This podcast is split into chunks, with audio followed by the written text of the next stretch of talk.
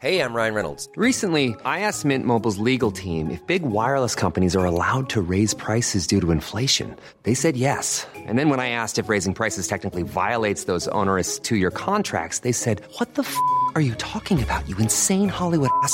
F- So to recap, we're cutting the price of Mint Unlimited from $30 a month to just $15 a month. Give it a try at mintmobile.com slash switch. $45 upfront for three months plus taxes and fees. Promo rate for new customers for limited time. Unlimited more than 40 gigabytes per month. Slows. Full terms at mintmobile.com.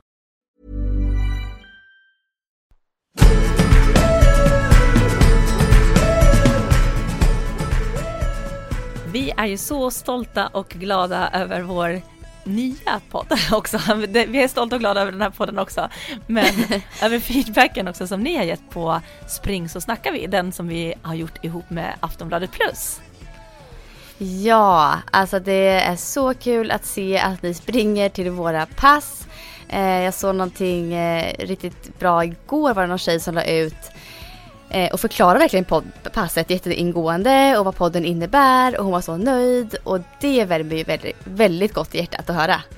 Ja, och jag sa det också här hemma att det var så här, det är så roligt för att jag har varit Alltså bara den här känslan att ni lyssnar på vår Viss och svärm medan ni typ är ute och joggar eller vad ni nu gör. Det är en jättecool känsla tycker jag, att, jag, att man får vara med, med Mm. alltså medans någon gör någonting som den håller på med för, på vardagen. Man får liksom slinka in i någons vardag lite grann. Ja. Men det här blir dessutom att jag vet att någon är ute och pushar sig själv och springer och när den har det som tyngst så vet jag att vi är med och peppar och coachar till att också så här få ut det där lilla sista. Så det känns Ja. nästan så här nej men otroligt häftigt och coolt tycker jag att veta att jag får vara med och hjälpa till och jag får vara med och så här, jag blir som så här lycklig i mitt där coachhjärta att veta så här, Ja. jäklar vad kul, det känns som att man är med ännu mera på något sätt i träningen. När Alltså, håller- någon har ja. sprungit de här passen. Jag håller så med och jag har hört flera som sagt liksom att de verkligen känner att vi är med på riktigt. Det känns som vi Ja. står där och skriker på dem liksom under passets gång. och att det är riktat till just den personen. så att Ja. ja, eh, väldigt väldigt skoj. Och vi har ju tidigare på den pratat om eh, två pass som vi har hållit än så länge. Eh, Två korta intervallpass. Och det tredje passet i den här podden eh, det är fyra gånger fyra minuters intervaller med tre minuters joggvila. Riktigt så klassiker. Eh, ja, det är en klassiker. Det här är ett ganska jobbigt pass och, man, och det är väldigt skönt att få extra push av någon som skriker lite på en. Så just det här passet upplevde jag när jag lyssnade på, podd, på avsnitten att det gav väldigt fin effekt att få påhöjning för att det är fyra minuter, det är ganska långt att ligga och pressa. Så riktigt, riktigt skönt att få lite stöd under det här passet. Ja. ja, precis. Och sen så har vi fjärde passet också där som, eh, som vi kan nämna lite nu. De, alla passen ligger ju där så man kan ju gå in och köra allihopa redan nu. Men vi tänker att vi kan ju berätta lite mer om ett i taget eller så, men vi tar två idag. Eh, och det är ju en fartlek. Så det, men det är samma koncept så att vi är ju med och håller koll på tider och sådär. Och där säger vi inte riktigt heller tydligt inför exakt hur, hur eh, många intervaller eller hur långt allting kommer att se ut. För det är ju det som är lite med fartlek också, att vi, vi kommer ju leka upp och ner med tempo och sådär, men Ja. du slipper tänka eller ta något beslut själv, utan här kan du igen bara låta oss bestämma när du ska trycka på farten, när du ska sakta ner, när du ska öka och liksom eh, få en utmaning också i det där eh, eh, nej, men att leka med farten helt upp och ner. Och där är det ju inte den här tydliga gå-vilan eller så som det har varit på de andra passen. Utan här håller vi ju igång i stort sett i ett löptempo hela, Hela tiden. hela passet. Precis, och det är det som skiljer intervallpassen, de klassiska, mot just fartlek. Att man håller ju ändå ett så här, medelhögt tempo liksom, eh, ja, i princip hela tiden. Och så ökar man på ett högre tempo ibland. Och leker fram en fart. Eh, och här tycker jag att man kan verkligen lära känna eh, sin löparkropp och sina farter väldigt fint. Framförallt om man är en ny löpare och inte har så stor koll på eh, hur det känns att trycka på lite. Så att eh, båda de här passen tycker jag verkligen att ni borde testa. Eh, om ni inte redan har gjort det. Mm. Ja, det, det skiljer sig lite som sagt de andra, men jag tycker det här är också roligt. Alla de här passar ju så bra på semestern. Men också det här behöver man inte tänka att här behöver jag ha planmark för att springa en minuts intervaller eller att man vill göra det som likadant, utan det här är ju bara sätt på och spring precis var du är och så får du öka intensiteten eller då bara efter hur vi säger. Men det kan ju komma en backe som gör det automatiskt också. Så att Ja, precis. den här är mer bara liksom, bara go with the flow. Mm. Mm. Så superkul och eh, ni som springer, fortsätt använda hashtaggen spring så snackar vi. Men ni kan också sätta viss och svärm, så att, för då missar vi inte det när det är i, kommer upp i flödet. Eh, och så är det verkligen superkul att eh, se er köra.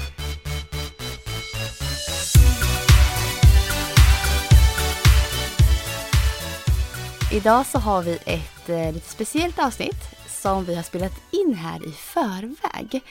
Eh, vi ville nämligen ha backup i samband med att Sara ska föda barn. Eh, och jag har då valt att bjuda in min tvillingsyster och allra bästa vän Alexandra, eller Alex som jag kallar henne.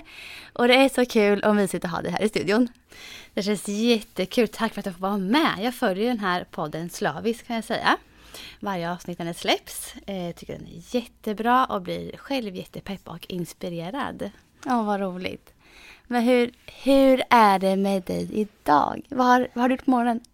Idag har jag varit ute och sprungit ett eh, intervallpass nu på morgonen här. Lite komiskt nog så sprang vi samma pass du och jag utan att veta om det innan. Jag såg det när du på Instagram att du har sprungit eh, en minuters intervaller. Och jag har sprungit likadant hemma i Ja. Mm. Det här är typiskt oss. Ja. Ofta så, så är det så här, vi är så otroligt lika varandra. Så ofta så typ kan vi klä oss likadant när vi träffas och vi kan, ja men som sagt ha kört samma pass. Vi beställde samma, samma kläder på nätet. Ja, det så här- kommer vi med samma kläder dagen efter. Det hände ju i julas. Då beställde vi ju från Nelly.com båda två. Så kom jag med den här, ja, det var en dress, en byxa och en tröja ihop. Och så kom jag till Alex. Och vad var det som hände då? Då sa jag, vart, vart är den ifrån? Ja men från Nelly.com. Nej skojar du eller? Så kommer hon ner med samma dress. ja, så det här händer väldigt ofta. Um, jo, ni kommer säkert, ni har hört nu säkert att vi har väldigt lika röster. Eh, så det är svårt att höra skillnad på oss. Jag ska försöka säga Alex så mycket som möjligt här i podden när jag ställer frågor så att ni inte blir förvirrade. Eh, men tur är att vi har, vi har samma mick här idag. Eh, annars så skulle nog vi prata väldigt mycket i mun på varandra. Yes, har vi gjort typ hela uppväxten. Fyllt i varandras meningar. Ja. Eh, Kan inte du, jag tror folk är nyfikna här nu, eh, berätta lite om dig själv med dina egna ord? Eh, Alexandra heter jag. Eh, och jag bor i Vadstena. Eh, jag har också bott hela mitt liv egentligen i Motala. Men träffade en kille i Vadstena när jag var 19. En inbiten Vadstenabo. Eh, så jag flyttade dit. Eh, och så har jag då min familj där. Sambo och två barn. Cornelis och Otis. Och eh, jag identifierar mig mest som mamma eh, just nu. Eh, och eh, vill väl göra det också känner jag. Eh, jag tycker att det är väldigt svårt att, att just eh, identifiera mig själv med vilket jobb jag har eller yrke, titlar och så vidare. Men just mamma, det känner jag att det, det, är- det är där jag är just nu. Och mina barn är 8 och 10 år. Ehm, så jag mer? Jag är en person som är väldigt känslostyrd. Precis som du Jossan. Ja. Lika där också. Eh, och försöker hitta liksom min, eh, mitt sätt att leva och det som passar mig. Och väldigt, eh, mitt största intresse egentligen i livet är just det här hälsan. Att må bra själv, att få andra att må bra. Och så vidare. Ja. Ja, eh, och ni som lyssnar nu, ni känner ju mig väldigt väl och som sagt vi är väldigt lika varandra. Men vi har ju lite olika liksom, livserfarenheter från de senaste åren framför allt. Och du Alex har haft en ganska tuff period som började 2013 och som har format dig väldigt mycket i hur du lever idag tänker jag. Kan inte du berätta lite om den här resan? Jo, eh, och det har format mig, mig på så vis att jag har, att mitt intresse för hälsa och välmående har växt ännu mer. Och mycket också den här psykiska mentala hälsan som är så, så viktig. Eh, och det började väl, jag tror, alltså det kan ju vara tidigare också, men framför allt så hände det en sak 2013 som triggade, liksom, eller triggades igång då i alla fall. Eh, och då hade jag ju mina två barn, jag hade pluggat eh, och fick barnen under studietiden. Eh, och sen så hade jag mitt första jobb då, eh, fast anställd i förskolan på heltid. Eh, och Otis var ju bara bebis då, han var ju liten när jag började jobba. Och då var Gustav hemma efter ett halvår där. Så en eh, treåring och en eh, halvår, eh, ett halvt år, 80 står bara, sex Mm. månader hemma. Eh, och sen då ett heltidsjobb, pang på, boom. Det varit lite för mycket. Eh, jobbet i sig är ju väldigt eh, tufft, alltså förskolläraryrket och läraryrket är väldigt tufft. Eh, och sen då dessutom barn hemma. Så det, var, det hände att jag var på jobbet en dag och sen jag tror han var där en halvtimme och så fick jag en panikångestattack, förstår jag efteråt. Då. Eh, det gjorde jätteont liksom i bröstet och det tryckte liksom mot bröstet och jag fick svårt att andas. Eh, och då var det en jättegullig kollega där som tog, eh, hjälpte till att ja, tog mig därifrån och sen så var jag hemma några dagar från jobbet där och så gick jag tillbaka igen som vanligt. Eh, men där då började det hela egentligen. Det vart för mycket i livet helt enkelt. Eh, som det kan bli för många. Ehm, och sen så fortsatte väl det här. Så jag var kvar på det här jobbet tror jag ett år. Och sen så bytte jag jobb ganska mycket under en tid. Eh, och jag var sjukskriven i perioder för eh, utmattning, eh, utmattningsdepression. Eh, och sen på det här så hade jag också, eh, eller har, en kronisk bakterie i eh, mitt nyckelben. Eh, och upplevde en extrem smärta där också 2015 sen. Så det var en kombination också av eh, just den här tröttheten, utmattningen med att jag också hade mycket smärta. Och vad som liksom födde vad, det är svårt att säga liksom. Eh, men då i alla fall så gjorde jag också två operationer. En 2015 och en 2017 i mitt nyckelben. Eh, där man tog bort bakterier. Eh, och sen eh, efter det så blev jag i alla fall där bättre då. Eh, men ehm, efter att ha bytt jobb kanske, jag vet knappt själv nu efterhand, men säkert fem gånger då den här perioden. För att just det här, att man, den här stressen att man ska tjäna pengar, eh, försörja sin familj och så vidare. Eh, men det funkade inte. Så till Nej, du slut, försökte ju verkligen om och om igen på massa olika ställen och Ja, var fast anställd och så. precis. Och det, det passade helt enkelt inte mig liksom. Och jag la väldigt mycket skuld på mig själv först. Att jag fixar inte det här som alla andra. Och man ska leva på ett visst, äh, normen man ska leva efter i samhället. Och att det borde jag också göra och så. Eh, men 2017 så kommer min vändning där kan man säga. För att då kände jag att det här går inte. Det är inte hållbart. Jag måste se till vad, vad passar mig? Vad mår jag bra av? Vad vill jag göra? Eh, så att det ska funka för mig och min familj och vårt vardagsliv ska rulla på. Liksom. 2017 sa du? Ja, Ja. precis. För att eh, då gjorde jag ju min andra operation. Mm. Och då tror jag bestämde mig för att nej men nu, nu jädrar, nu ska, inte, nu ska inte jag må så här dåligt längre. Jag ska, nu ska mitt nya liv börja på något sätt. Var den, jag hade den inställningen då. Eh, och jag sprang faktiskt maraton. I juni, jag opererades i april och sprang maraton i juni. Och det var ju så häftig upplevelse. Eh, och det var där, jag tror det var där det vände. Eh, och startade mitt företag faktiskt då ju, min eh, firma. Ja, det var den sommaren. Club. Ja, det var då i eh, jul, första juli, om jag inte minns eh, fel, så drog jag igång min firma. Eh, och då hade jag verkligen gått på vad det här vill jag göra och jag tänkte liksom att ja, det får bära eller brista, jag kör. Eh, och samtidigt så hade jag, jobbade jag ju då extra eh, som vikarie i förskolan. Så jag hade det ekonomin tryggat på så sätt. Precis, och, för, och precis som för mig så har ju träningen och det har varit ditt stora intresse genom hela livet och din passion med löpningen. Precis. Och då landar det någonstans hos dig kanske att det är det som du brinner för och så ligger det närmast hjärtat på något vis att jobba med träning och människor på olika sätt. Precis. Och också under den här tiden så när jag mådde dåligt. Det var väldigt svårt att träna liksom, alltså hårt som jag var van vid att göra. Men jag mådde så bra av att bara få komma ut och röra på mig.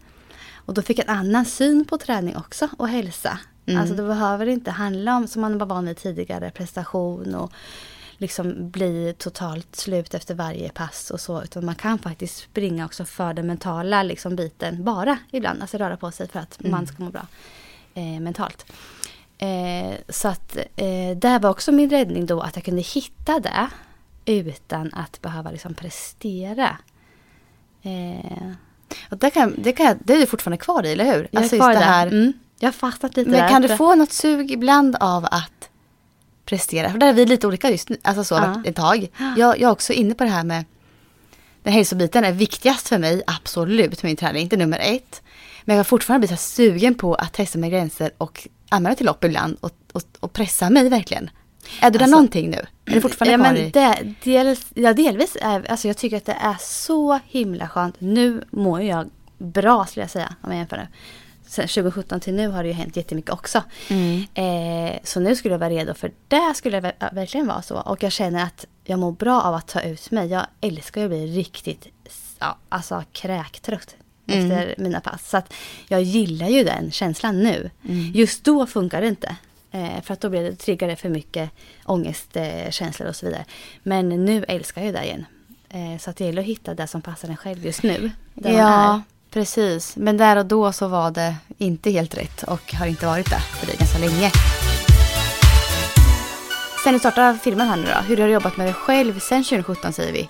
Eh, under den här tiden, hur har du liksom kommit tillbaka? Vad har du gjort? Vilka verktyg har du använt? Och vad har så funkat för dig? Mm. Alltså, om man går tillbaka ännu längre bak först då. Alltså då handlade det mer om att jag skulle klara av dagarna liksom. Ja. Alltså 2013 till 2017 där. För då mådde jag rätt så dåligt. Alltså jag var väldigt, väldigt trött framförallt eh, efter allt det här. Och då klarade det handlade mest om att hantera varje dag som kom liksom. Eh, och liksom röra på mig så mycket jag orkade och träffa människor så mycket jag orkade. För socialt blir det väldigt påfrestande när man inte mår bra. Eh, och är utmattad, deprimerad och så. Eh, så då var det mer att överleva dagen. Eh, men sen 2017 eh, så blev det mer med att jag kunde jobba lite mer med mig själv. Och jag tog hjälp av, eh, dels gick jag terapi faktiskt. Och eh, träffade psykolog och så. Hur hjälpte det? Var det bra för Eh, dig? Egentligen, nej, jag skulle inte säga att det hjälp- hjälpte mig. Men jag fick ju, jag pra- började prata om det med andra som inte var, bara var mig, mig nära liksom. Mm. Jag fick börja ventilera lite grann och, och eh, analysera varför jag, det var som, som det var och sådär. Eh, så på så vis hjälpte det ju mig, men det var nog mer, det var nog jag själv som hjälpte mig själv. Alltså till slut. Och det handlar väl kanske om att man själv måste inse vad man behöver. Eh, det kan ingen annan göra åt dig, så du måste själv Det här- gå in i det själv. Ja, och det är intressant, det pratade vi om förut ju, att man är väldigt ensam ändå i sin, nu säger jag sjukdom, om, eller vad man ska kalla det för, men Ja.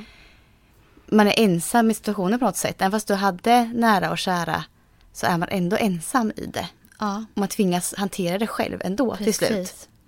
Och det här är ju verkligen något som jag har lärt mig eller så förstått. Att man har bara sig själv närmast. Och man, man, man måste själv komma ur sådana situationer. Eh, och att jag har ett väldigt stort ansvar i hur jag själv faktiskt mår och vad jag kan göra.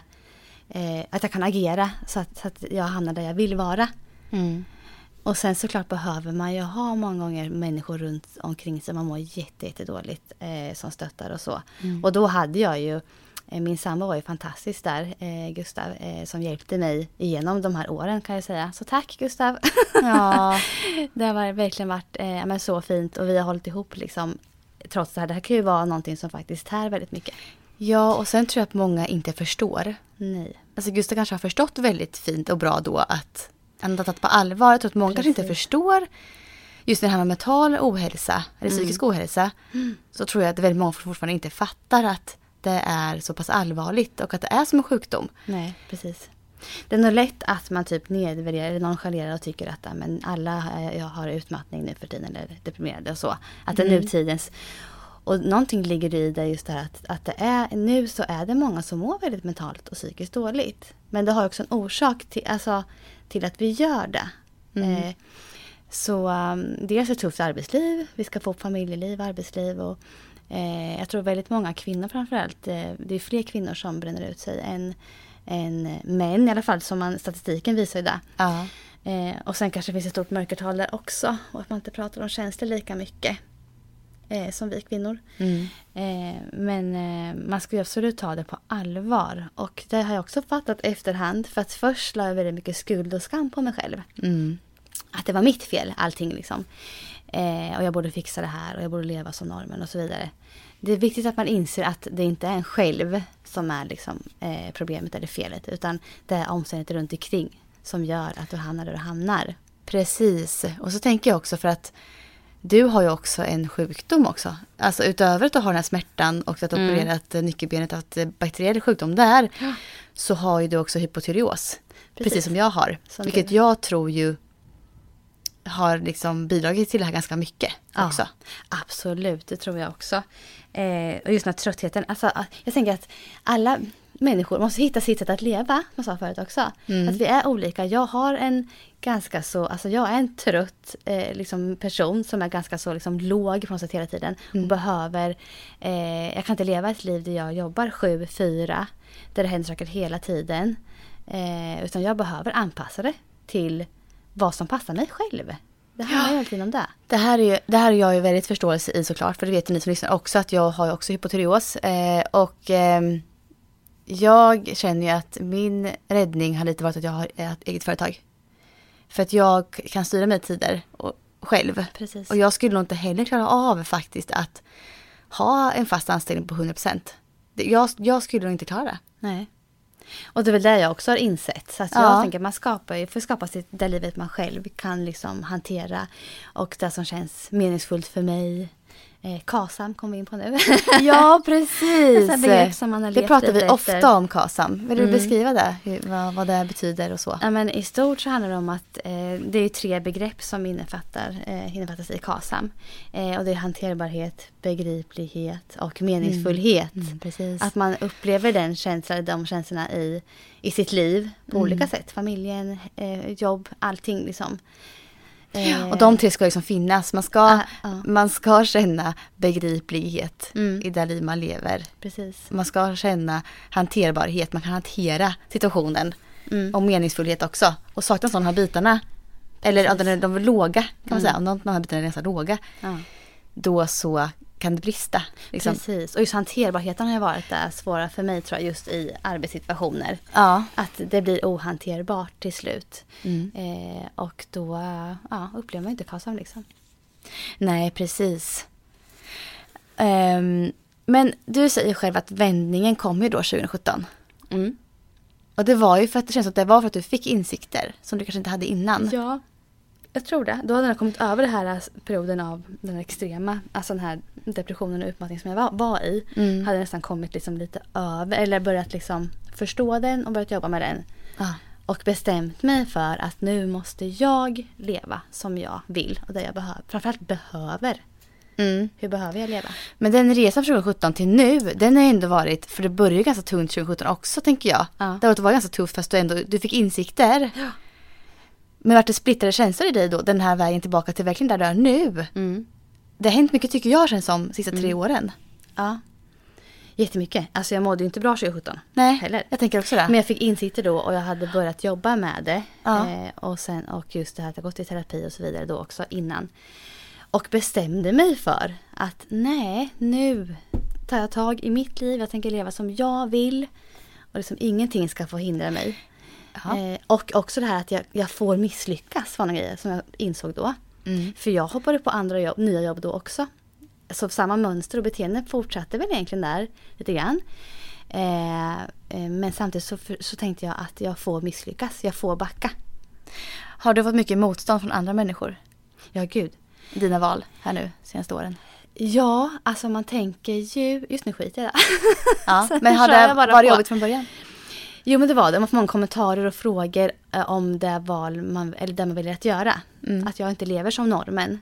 Eh, har ett 7-4 jobb eller vad det nu är, alltså ett heltidsjobb fast någonstans.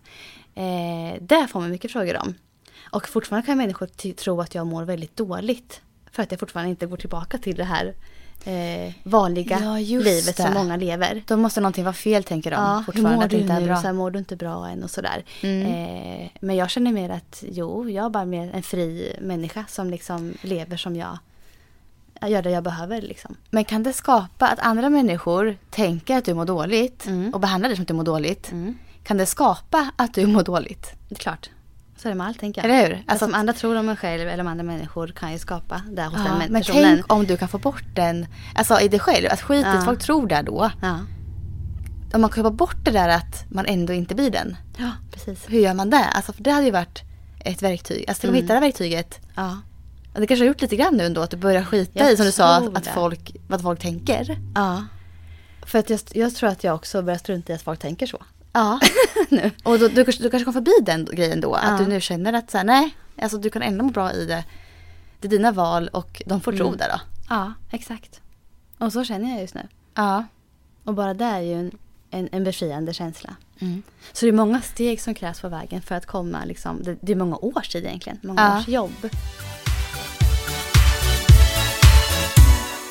Men hur lever du då? Hur, hur lever, skulle du beskriva att du lever idag? Mm. Alltså hur formas av det som hänt och hur lever du idag?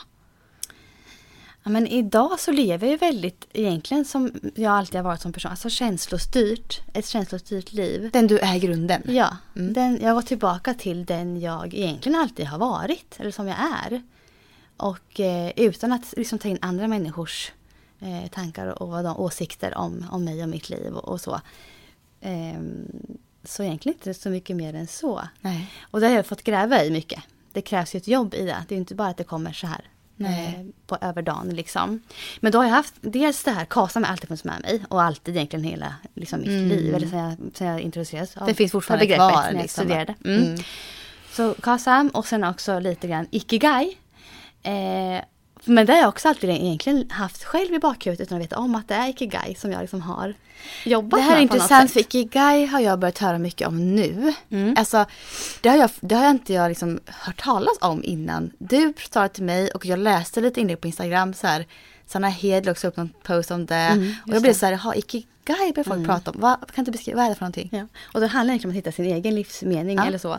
Eh, men eh, man kan säga att det, det är i alla fall ett japanskt begrepp eh, som betyder anledningen till att vara. Eh, och Ikigai är då den gemensamma nämnaren för det du älskar att göra, det du är bra på, det du kan få betalt för att göra och det som världen behöver. Och grunden är väl att det finns en, vissa kulturer i världen, eh, de blå zonerna, som liksom lever efter det här. Där de hittar sin livsmening och sen så, de går inte i pension utan man lever sina liv. Man har sin livsmening. Du går upp på morgonen och vet liksom vad din mening med, dagen är. Liksom. Och du Vad kan också göra. leva på det. Ja. Det handlar också att du ska kunna, Ja. ja just det. Så då kanske, ja precis, och hitta. Och det här är ju inte någon lätt uppgift heller att knäcka liksom. Och Nej. leva ett liv efter Ikigai. Men det är ändå så här en bra, tycker jag, grund, alltså någonting att förhålla sig till. Ja. Eh, och som i mitt fall här till exempel då, så har jag gått tillbaka, just det här, det du älskar. Vart ju min liksom, det gick jag tillbaka till först. Mm. Ja, men vad, vad, gjorde, vad tyckte jag om att göra när jag var barn? Mm. Vad, älskar, vad, vad, vad blev jag glad av? Vad skrattar jag av nu? Alltså när, när är jag glad? Och hitta det där, sig själv.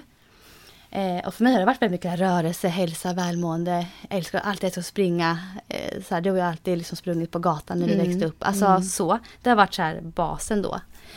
Ehm, och sen så det världen behöver, alltså kan jag, kan jag ge det här till någon, kan jag ge det till någon, eller till världen liksom? Behöver de det här av mig? Är det viktigt för världen? Det är någonting som många börjar tänka på mer och mer tror jag. Ja.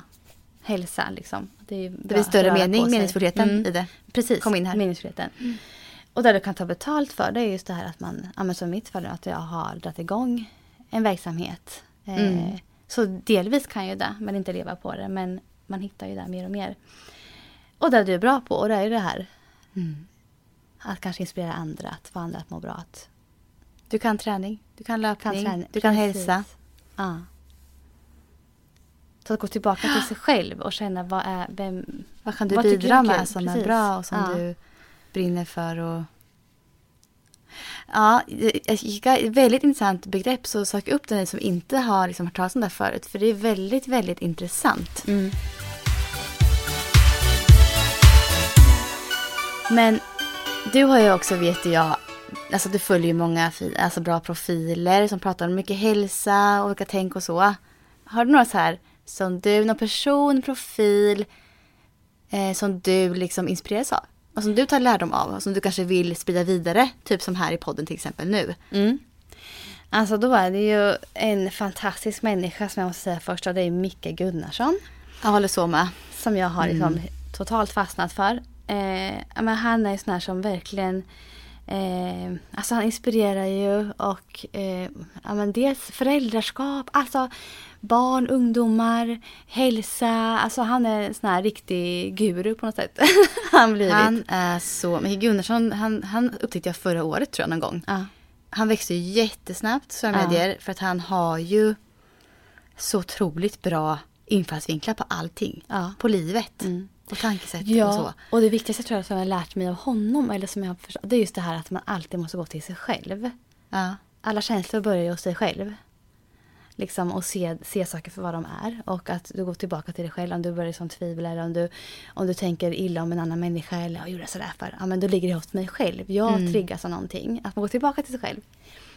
Och eh, att du har dig själv närmast egentligen. Och våga lyssna inåt. Mm. Och han finns ju, han heter Micke Gunnarsson på Instagram va? Ja, det gör han. Så gå, alltså gå in och följ honom, han är fantastisk. Ja. Har du någon mer där som du känner att du vill ta upp, sådär, någon profil? Nej, men det som också, jag vet när jag var, eh, jag kommer inte ihåg vilket år det var, men när Anders Hansens bok kom ut, Järnstark. Ja. Har också varit en sån här som jag har läst liksom från sida till sida. Jag läser aldrig böcker, jag har svårt för att fokusera så.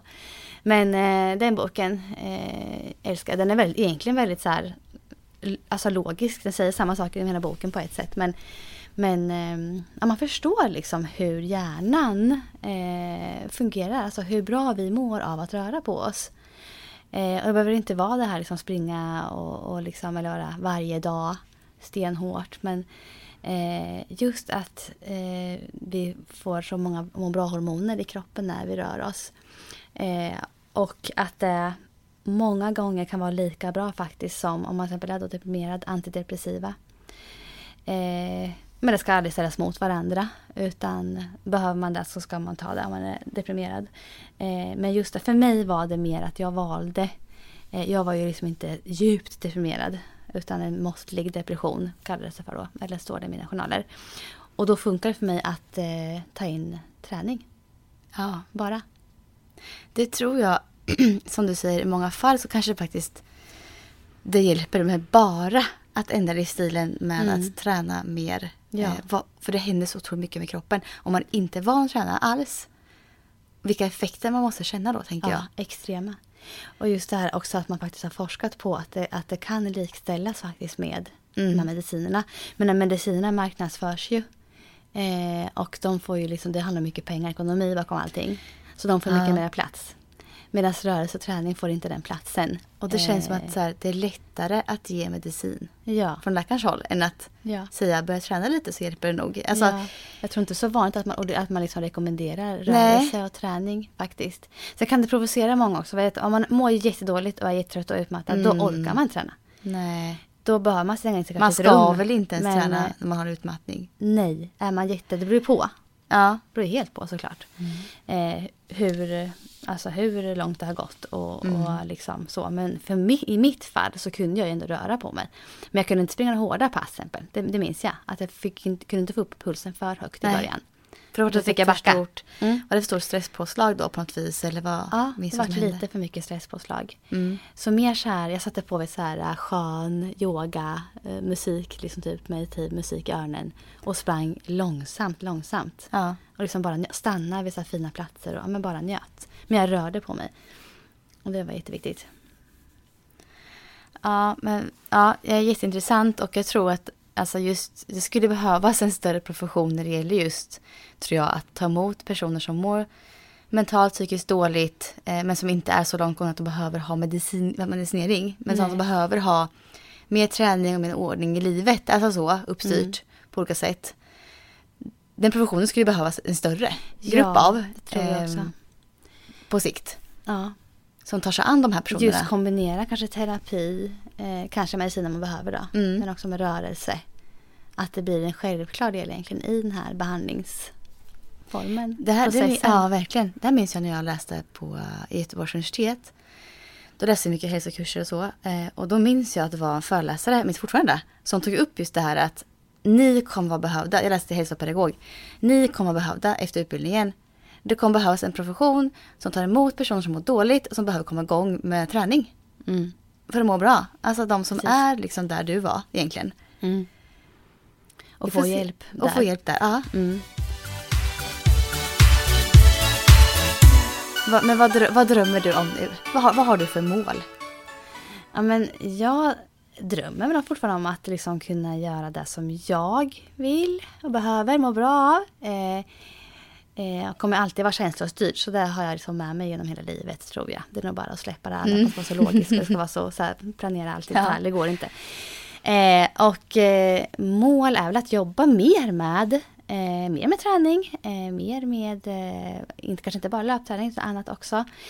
Mm, men också att kunna hjälpa fler som har varit i min situation.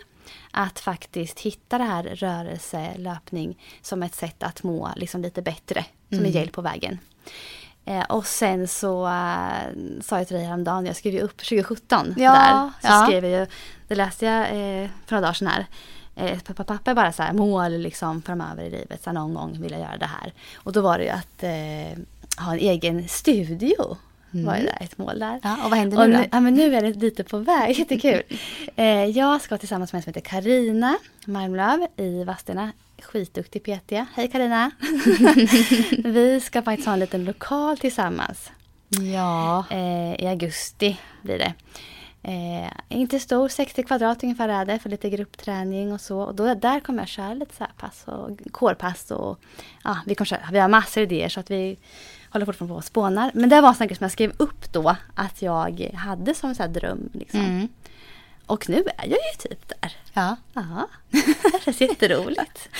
Och det är en konkret grej. Det, det här tror jag på att man, eh, det har vi pratat om förut i podden vet jag, jag är dålig på det. Eh, Sara är väldigt duktig på det.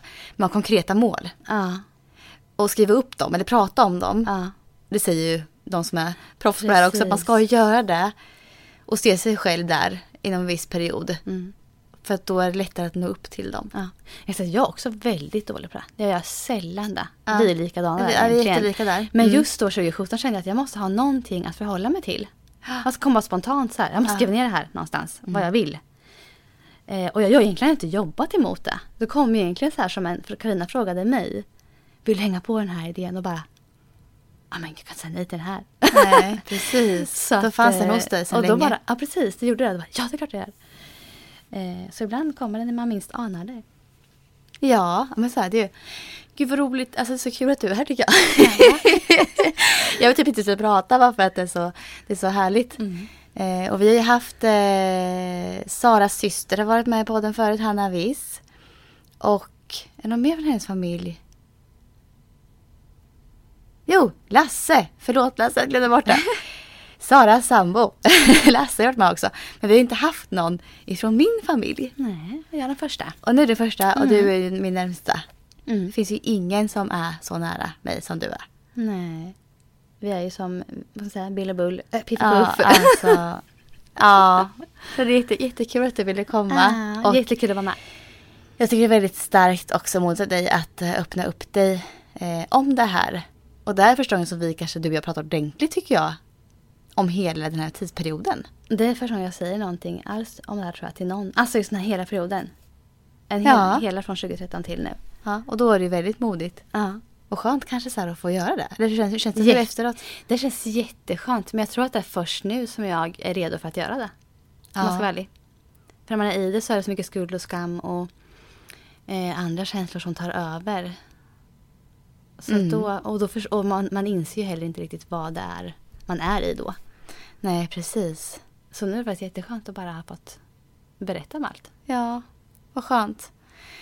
Nej men jag tänker att vi, eh, vi får avsluta här så får jag Alex prata vidare efter podden som Det inte vi gör får vi. höra. Så ha det så jättebra och tack för att du kom hit. Tack.